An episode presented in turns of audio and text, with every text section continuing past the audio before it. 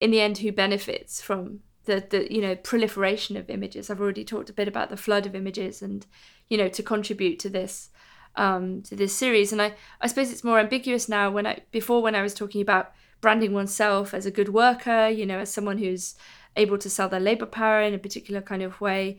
Now it's maybe more ambiguous because the social media self is not straightforwardly just a worker and maybe is, you know, it's it's a whole other sort of synthetic character or self. Um, you know, and there are all these kind of questions about authenticity and performance and and so on. And I, and I don't want to kind of dismiss it completely out of hand, you know, to say, oh, everyone should just turn their back on the image or leave social media. It's very hard to do so.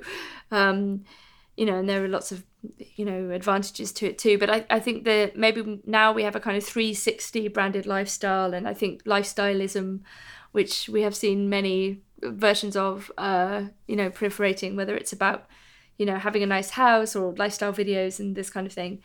Um, you know, has kind of come to dominate. So I think we've we've shifted from the work self branding to a kind of yeah, more 360 total lifestyle branding.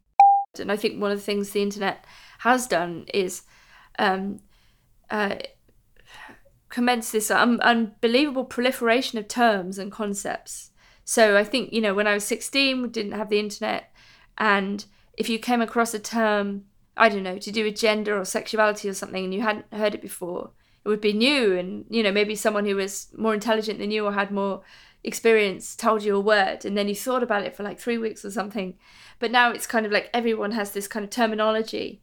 Um, but the terminology itself is kind of shifting, you know, around sex and gender and sexuality all the time as well. So it's this kind of sometimes it can be a bit kind of paranoiac, you know, am I using the right term, you know?